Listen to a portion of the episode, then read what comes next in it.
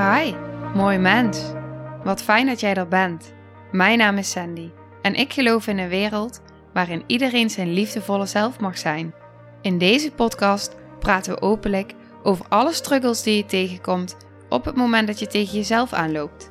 Vanuit mijn kennis en ervaring deel ik levenslessen en geef ik je inspiratie hoe jij vanuit pijn en angst weer voor liefde en vertrouwen kunt kiezen, zodat jij, dwars door het donker, de weg terug kunt vinden naar het licht in jezelf.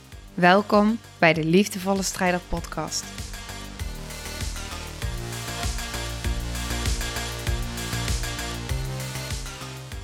Hoi! Ik kreeg zo'n ontzettend goed inzicht dat ik dacht: dit moet ik met je delen. Ik was namelijk bezig met een opdracht te maken. Ik doe mee met het jaarprogramma Leef je mooiste leven van Michael Pilacic. En ik kreeg een aantal vragen.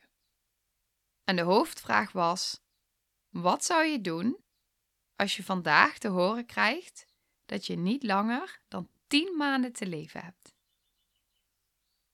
Dus als ik dat nu aan jou vraag, wat is dan het allereerste wat in je opkomt? Wat zou je doen als je vandaag te horen krijgt dat je niet langer dan 10 maanden te leven hebt? Ik vond dat zo'n goede vraag dat ik dacht: deze wil ik met jou delen. Deze wil ik ook aan jou stellen. En er komt meer. Want er werden nog meer vragen gesteld die ik echt zo geniaal vond en die mij zo aan het denken hebben gezet dat ik niet anders kan dan dit met je te delen. De vragen: wat zou je niet meer doen? Waar zou je absoluut geen tijd meer aan besteden? Wat zou je allemaal nog wel willen doen? En welke beslissing zou je nu direct nemen? Als er nu al iets in je opkomt, schrijf het vast op, zet het in je telefoon. Ik zal straks aan het einde van de aflevering deze vragen nogmaals aan je stellen. En ik wil je ook echt adviseren om hier dan daarna nog even over na te denken. Want toen ik er goed voor ging zitten en daar goed over nadacht, kwamen er ook echt heel veel inzichten. Er kwamen natuurlijk dingen die als eerste in me opkwamen, maar daarna kwamen ook echt nog wel door juist daarmee bezig te zijn en erover na te denken, kwam daar nog veel meer diepgang in. En dat gun ik je ook echt. En wat er bijvoorbeeld bij mij in me opkwam, was als eerste dat ik een camper zou kopen. Ik zou gaan rondreizen. Ik zou willen rondreizen in Amerika. Ik zou misschien wel een tijdje willen wonen in Bali. Ik wil sowieso echt al heel graag naar Bali. Gewoon lekker go met de flow en we zien het wel. Dat zou ik in ieder geval in de eerste periode absoluut willen doen.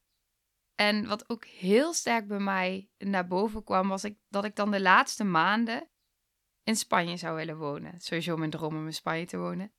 Ik zou dan al mijn familie en vrienden over laten komen om gewoon de laatste maanden van mijn leven nog samen met hun in de natuur, in de zon, gewoon samen te zijn. En die gedachte, daar werd ik zo ontzettend blij van. En de tijd voelde zo kort. Maar juist daardoor voelde die ineens zoveel belangrijker. En ik besefte ook meteen, echt meteen split second, dat ik zou starten met het schrijven van een boek. En dat zou ik iedere dag doen die tien maanden lang. Het lijkt me zo bijzonder om iets moois in deze wereld achter te kunnen laten. Iets waarmee je het leven van anderen een stukje mooier kan maken. Ja, dat was ook wel echt meteen een besef dat ik dacht, daar zou ik iedere dag tijd aan besteden. Lekker in de zon, lekker in de natuur, schrijven aan het boek. En vervolgens kwam ik tot het belangrijkste inzicht eigenlijk. Ik kwam tot het besef dat ik direct alle pijn uit het verleden achter me zou laten. Ik zou gewoon meteen die beslissing maken. Kan dat? Ik weet het niet, maar op dat moment voelde het wel zo sterk. En zo voelt het nog steeds. Want ik besefte dat als ik nog maar tien maanden te leven heb, waarom zou ik dan in godsnaam mijn tijd besteden aan dingen die voorbij zijn, die geweest zijn? Terwijl ik nog maar tien maanden heb om te genieten. En de rest is toch al voorbij. En ik dacht, ik wil dan alleen maar genieten van ieder moment. Geweest is geweest. En dat is wat ik op dat moment zo sterk voelde. En ik ben ook heel erg benieuwd wat dit in jou oproept als ik dit zo zeg. Want ik kan me voorstellen dat het iets kan triggeren. ja, hallo, uh, je kan toch niet zomaar in één keer alles achter je laten? Kan dat niet? Ik weet het niet. Maar ik weet wel dat ik op dat moment zo aan het nadenken werd gezet. Door die tien maanden. Dat ik echt dacht van ja, tien maanden. Dus ik ben heel benieuwd naar wat het in jou oproept. Of dat je in positieve zin getriggerd wordt. Of dat je juist heel erg weerstand voelt nu. En zo ja, waar zit die weerstand dan in? Voel die even.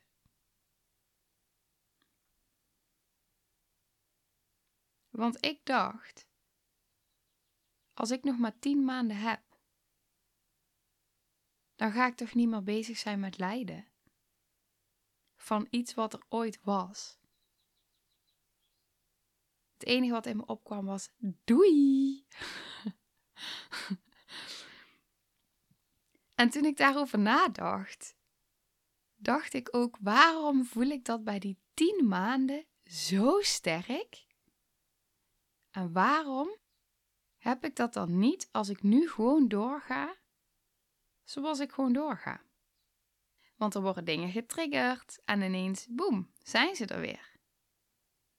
En ik geloof heel sterk dat juist door woede en verdriet uit het verleden los te laten, je wordt bevrijd in het heden. En ik weet dat ik nu op dit punt dit zo kan zeggen en kan voelen, omdat ik al best wel wat stappen heb gezet op het stukje van vergeving en acceptatie. Ik had het een paar jaar geleden niet kunnen zeggen, dus ik kan me heel goed voorstellen dat er weerstand in je opgeroepen wordt nu. Maar misschien krijg je ook wel een eye-opener hierdoor, omdat je denkt, ja, inderdaad. Ik, als ik nog maar tien maanden zou hebben, waarom dan niet? Waarom zou ik dan alleen nog maar denken, weet je, ik laat het los en ik ga genieten? Ik dacht ineens, het leven is zo kort en je weet nooit hoeveel tijd je nog hebt. Niemand weet hoeveel tijd je nog hebt gegeven en je leven wordt iedere dag korter.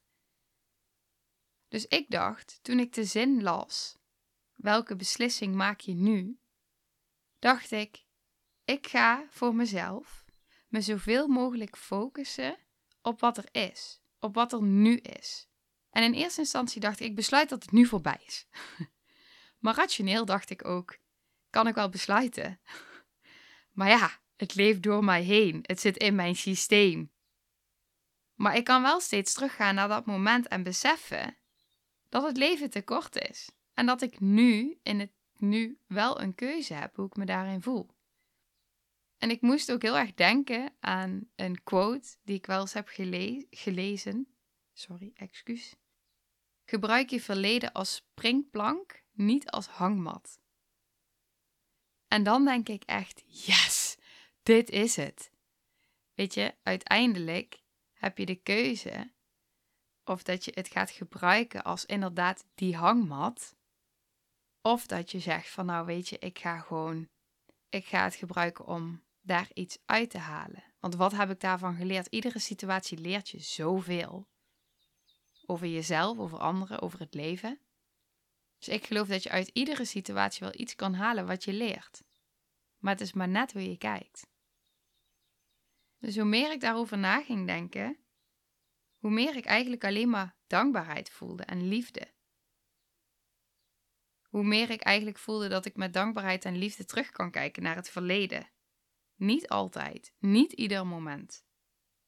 Maar hoe dan ook, iedere stap, of die nu moeilijk was of niet, maakt wel dat ik, maar ook jij, staat waar je nu staat.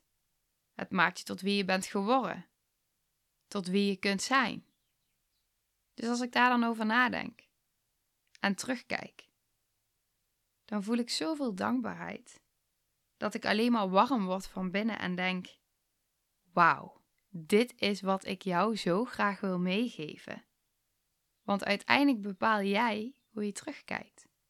Bepaal jij of dat je je verleden als een springplank of als een hangmat gebruikt. En je hoort mij echt niet zeggen dat je niet boos of verdrietig of gekwetst mag zijn. Want alles mag er zijn. Maar je hoort mij wel zeggen dat jij uiteindelijk bepaalt hoe je de situatie blijft zien. En dat jij bepaalt of dat je het vasthoudt en dat je ook kan gaan kiezen om het anders te zien. En het is oké waar je bent. Ook als je nog hangt in de pijn van het verleden, is dat oké. Dan is dat waar je nu moet zijn. Want ook dat is, dat hoort erbij. Maar juist die bewustwording, om even na te denken van nou waar sta ik nu eigenlijk op dat gebied, maakt wel dat je even een moment krijgt om na te denken over waar je staat en waar je wilt staan. En of dat het je nog wel dient. Dus nogmaals, zou ik je willen vragen, ga er eens over nadenken voor jezelf. Wat zou jij doen als je vandaag te horen krijgt dat je niet langer dan 10 maanden te leven hebt? Wat zou je niet meer doen? Waar zou je absoluut geen tijd meer aan besteden?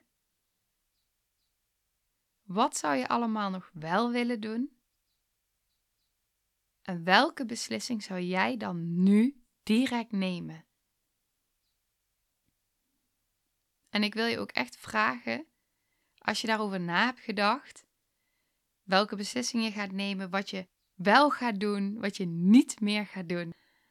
Wat er in je op is gekomen om het me te laten weten. Want het lijkt me echt fantastisch om te horen wat het in je heeft opgeroepen of er weerstand kwam of juist niet.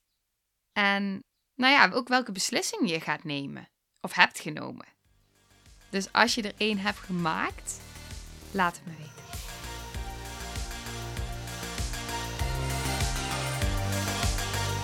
Nou, lieve mensen, ontzettend bedankt voor het luisteren. Als je het leuk vindt, kun je de aflevering delen of maak een screenshot en tag me op Instagram. Want ik vind het echt super tof om te zien wie er luistert. De link van mijn Instagram staat in de beschrijving bij de podcast. En wil je blijvend geïnspireerd worden? Klik dan op abonneer of volgen in de podcast-app waarmee je luistert. Dat zouden ik en alle toekomstige luisteraars enorm waarderen, want dat zorgt er namelijk voor dat de podcast beter gevonden wordt. Nogmaals, dankjewel voor het luisteren en heel graag tot de volgende aflevering.